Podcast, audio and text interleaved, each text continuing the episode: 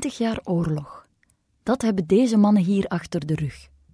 Vandaag sluiten ze vrede aan deze tafel in Londen op 16 augustus 1604. Rechts zitten de Engelsen, links de Spanjaarden en de zuidelijke Nederlanders, de voorlopers van de Belgen. De derde man aan de linkerkant is Karel van Arenberg. Zijn familie bestaat uit echte strijders, met bijnamen als Everzwijn van de Ardennen en Schrik van de Zee. Wie net als Karel de strijd overleeft, beslist aan deze tafel mee over de toekomst van Europa. In die tijd was het heel normaal om een groep belangrijke mannen te schilderen. Een schilderij met elf belangrijke vrouwen daarentegen kom je absoluut nooit tegen, terwijl er best veel sterke vrouwen bestonden. In de familie Arenberg alleen al vind je er al zeker elf.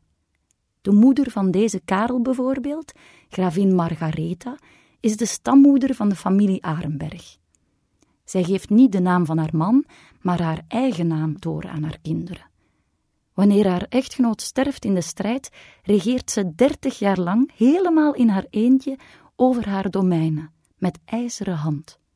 Omdat ze zo belangrijk is, geeft de keizer haar persoonlijk de titel prins-gravin. Zij geeft ook haar zegen wanneer haar zoon Karel met de rijke Anna van Croatie trouwt, die bekend staat om haar zakelijke neus en veerkracht. Zo kan ik nog een heleboel vrouwen opsommen. Zie je ze al zitten aan deze tafel?